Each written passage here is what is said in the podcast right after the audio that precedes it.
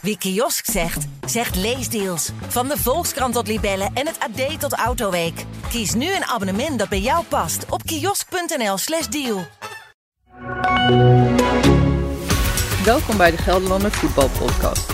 Iedere maandag bespreken wij met onze clubwatchers het nieuws rond NEC, de Graafschap en Vitesse. Met deze week presentator Janko van Sloten. Wordt de competitie stilgelegd? Haalt Oranje het WK voetbal? En een kippenvelmoment in het amateurvoetbal. In aflevering 5 van de Gelderlander Voetbalpodcast. Vanaf de redactie van de Gelderlander in Nijmegen heet ik sportverslaggevers Jeroen Bijma, clubwatcher eh, NEC en Lex Lammers, de vaste verslaggever voor Vitesse. Welkom. Dag heren. Goedemorgen. Afgelopen weekend maar één uh, wedstrijd voor onze drie voetbalclubs, want uh, interlandvoetbal. En dus waren NEC en Vitesse vrij. Maar de Graafschap speelde wel in eigen huis tegen laagvlieger Telstar. En dat werd 1-1 Lex. Uh, weer puntenverlies. Is het nu crisis bij de Graafschap? Nou, crisis vind ik een groot woord. Maar bij de graafschap is er natuurlijk wel een structureel probleem zichtbaar. Doelpunten maken is gewoon echt een, een ding. Ja, en uh, ja, daar moet je met deze groep mee aan de slag tot, tot en met de winterstop. In de winterstop kun je ingrijpen. Maar ja, ze scoren gewoon ontzettend moeilijk. En dat is natuurlijk nu al wel een heel tijdje een, het geval. Dus dat is echt een probleem. Ja, en wat doe je daaraan? Want ja, tot de winterstop, het duurt nog heel eventjes. Moet je toch een paar weken vooruit nog. Ja, je, ziet het vaker in de keukenkampioen-divisie. Een spits uh, die scoort, uh, maakt of breekt je seizoen. Je zag het vorig seizoen met Robert Muren bij Cambuur. Ja, die schiet ze hoogstpersoonlijk naar het kampioenschap en promotie. Ja, dit jaar lijkt hij dat weer te gaan doen met Volendam. Excelsior, de nummer 2, heeft Dallinga. Die vanuit het niets de ene na de andere doelpunt maakt.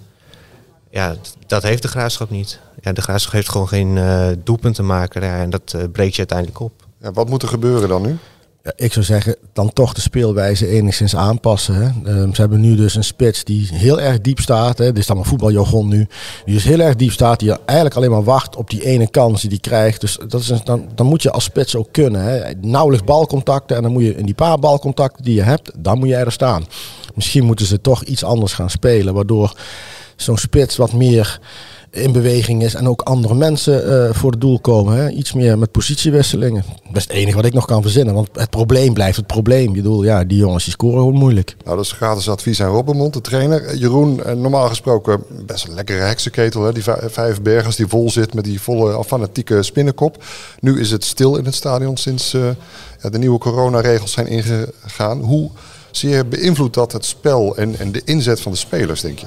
Ja, ik denk dat uh, die uh, invloed bij de graafschap echt enorm is. Want uh, ja, de graafschap staat toch wel bekend om het fanatieke publiek. de fans zitten er dicht op. kunnen echt een steun in de rug zijn. Ja, dat heb je nu niet. En ja, dan moet het uit jezelf komen. En ja, sommige spelers hebben, doen dat makkelijker dan, dan, dan anderen. En ja, bij de graafschap, je zag gisteren ook echt van. Ja, de urgentie was er niet echt van om nog ze werden niet aangejaagd, ze voelden zich niet aangejaagd door nee. de fans. Lex? Het is een beetje het Feyenoord-effect. Feyenoord in de Kuip, dan weet je, dan komt dat hele stadion achter zich. Komen ze achter, uh, achter Feyenoord staan en dan, dan gebeurt er wat. En, en dat heeft de graafschap ook al. Het is altijd een geweldig feest. Alleen, en daar word je als ja. tegenstander toch een beetje bang van. Hè? Nou ja, ik zal even die wedstrijd tegen Den Haag. Die uh, heb ik dan zelf ook als verslaggever gedaan. Maar dan zie je dus dat het publiek echt wel een factor is. Want een scheidsrechter geeft een zeer discutabele penalty, zullen we maar zeggen. Maar het publiek gaat er bovenop, weet je wel. En dat geschreeuw van het publiek, en dat beïnvloedt dan toch iedereen. Beïnvloedt Den Haag, maar ook arbitrage. Ja, het, het, is een, het is een factor. Het behoort niet zo te zijn, dat is natuurlijk slechte arbitrage dan. Maar toch, uh, ik noem het maar even ook de kuipfactor. En heeft de graafschap heeft dat ook heel erg hoor. Ja, fanatieke supporters, heerlijk om daar uh, tussen te staan of daarbij te zijn. Uh, altijd een leuk sfeertje. Uh, de vraag is hoe lang dit gaat duren, hè? hoe lang die stadions stil blijven. De KVB heeft de clubs gevraagd van, nou wat willen jullie? Hè? Willen jullie de competitie stilleggen en dat we dan in de winterstop doorgaan? bij de Graafschap hebben ze daar oren naar. Hoe zit dat bij NSC, Jeroen?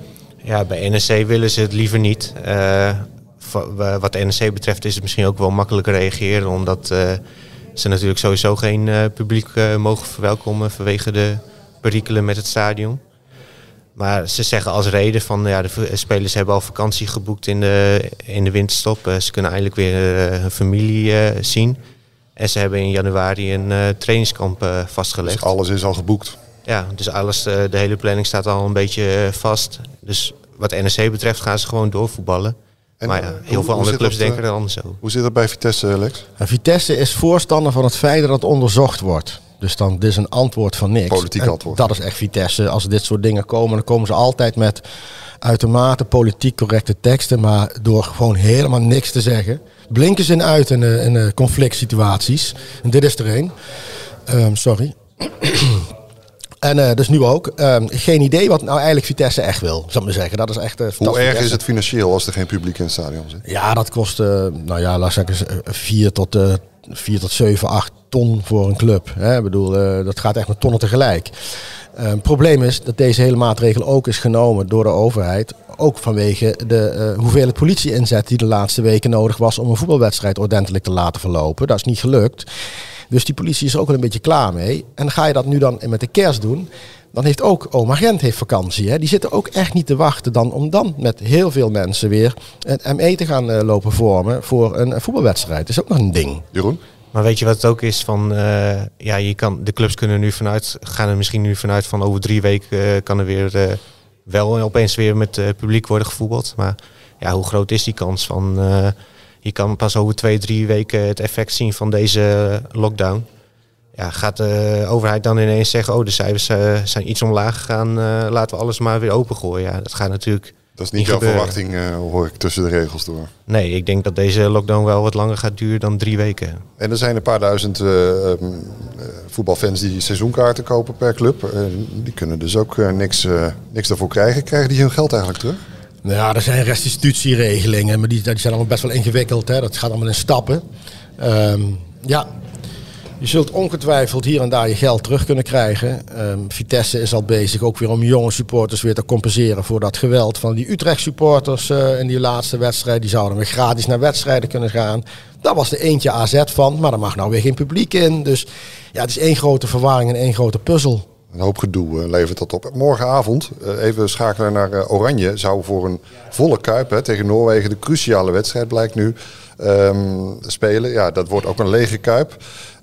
Toch moeten we het gaan doen daar morgenavond. Jeroen, wat, wat zijn jouw verwachtingen daarvan?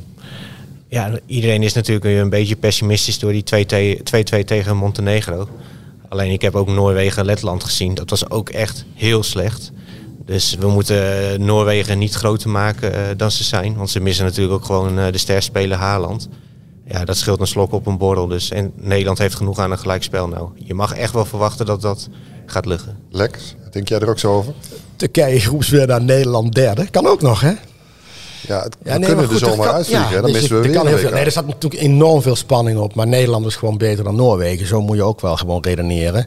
En ze moeten alleen een beetje leren wat omschakelen is. Hè. Dat is niet, eh, niet het beste. En eh, sommige mensen moeten niet zo op een voetstuk worden geplaatst. Hè. Meneer Van Dijk was namelijk een van degenen waardoor het misging bij de 2-2. En die gaat dan zelf zeggen dat het schandalig is. Je hebt balbezit, balbezit, hou balbezit, hou balbezit. Speel de bal langs, speel de bal terug. Er staat namelijk geen enkele tegenstander je op te jagen. En wat doet Van Dijk? Die gaat een lange bal geven.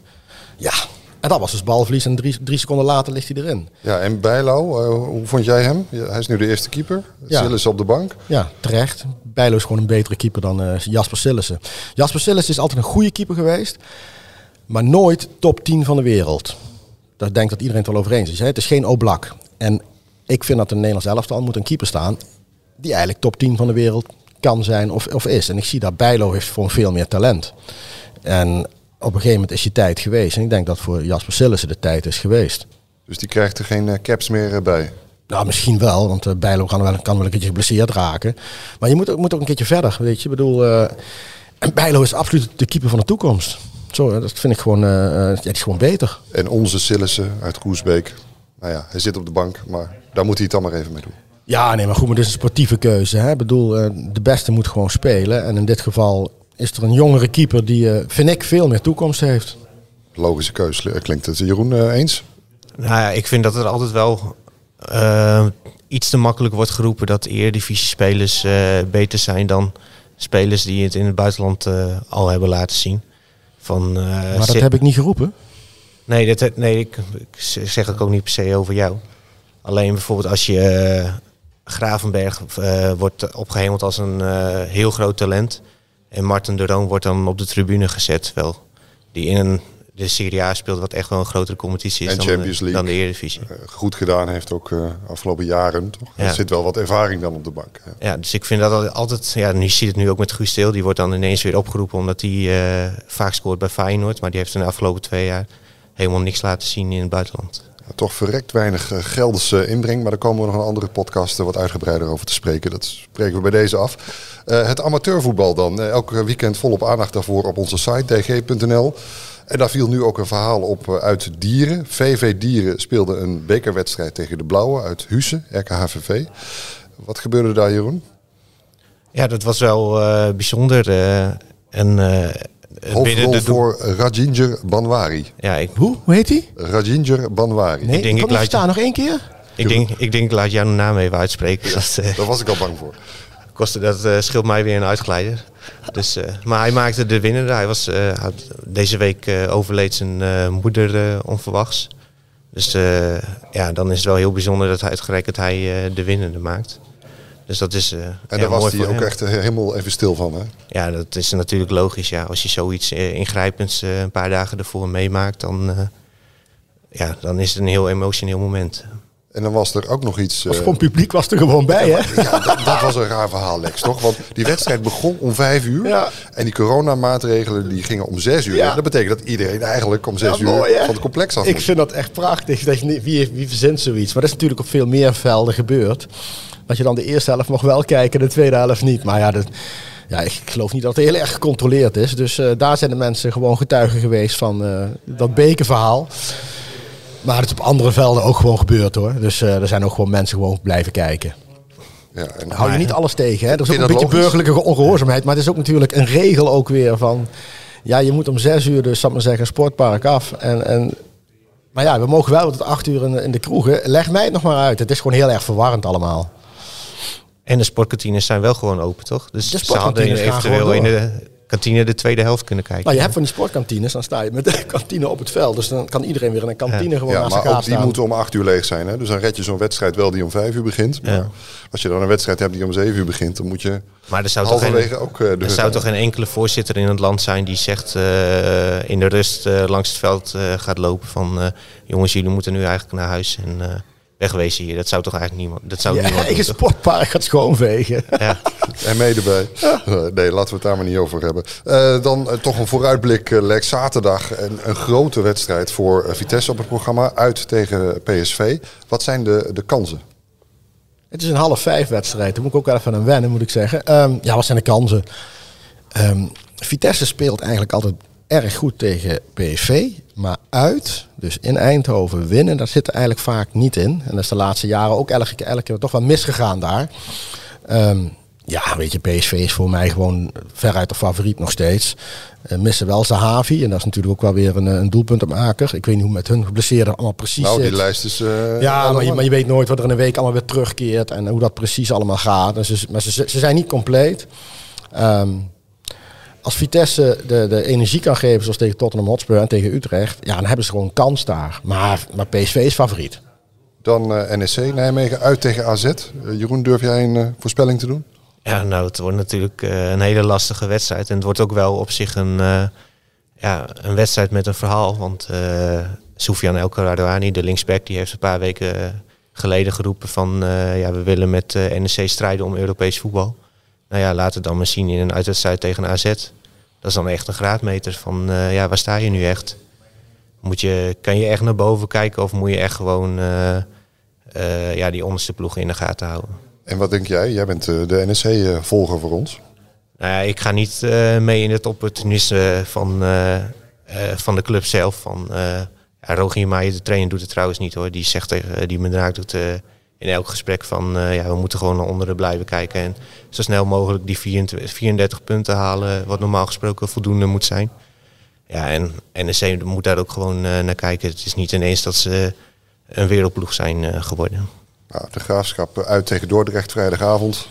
Kan alle kanten op hebben, de Graafschap. Gewoon 0-5, hè, vijf keer Konings krijg je dan. Hè? Krijg je Oh. dat als antwoord, weet je wel? Dat zou mooi zijn. Dat Ja. hij naar deze podcast Ja. luistert en dat hij er dan vijf in Ja, schiet. ik denk niet dat hij luistert, maar dat maakt niet uit. Nou goed, we horen het wel en we zien het. Ehm, komend weekend uiteraard alles te volgen via dg.nl, onze site met live blogs. En maandag blikken we uitgebreid terug met een eh, nieuwe vo- voetbalpodcast. Als er tenminste gevoetbald wordt. hè. Als er niet gevoetbald z- wordt, zijn we er ook. Zullen we dat ook gewoon afspreken? Dan verzinnen we wel een paar onderwerpen. Eh, deze podcast en alle andere die we eh, al hebben opgenomen over het Gelders voetbal... zijn terug te luisteren via dg.nl slash podcast. En wil je deze wekelijks in je mailbox... abonneer je dan op de nieuwsbrief via dg.nl slash nieuwsbrief. Zo makkelijk kan het zijn. Dank voor het luisteren. Eh, heren, dank voor jullie aanwezigheid. Tot volgende week. Volgende week. Wie kiosk zegt, zegt leesdeals. Van de Volkskrant tot Libellen en het AD tot Autoweek. Kies nu een abonnement dat bij jou past op kiosk.nl/slash deal.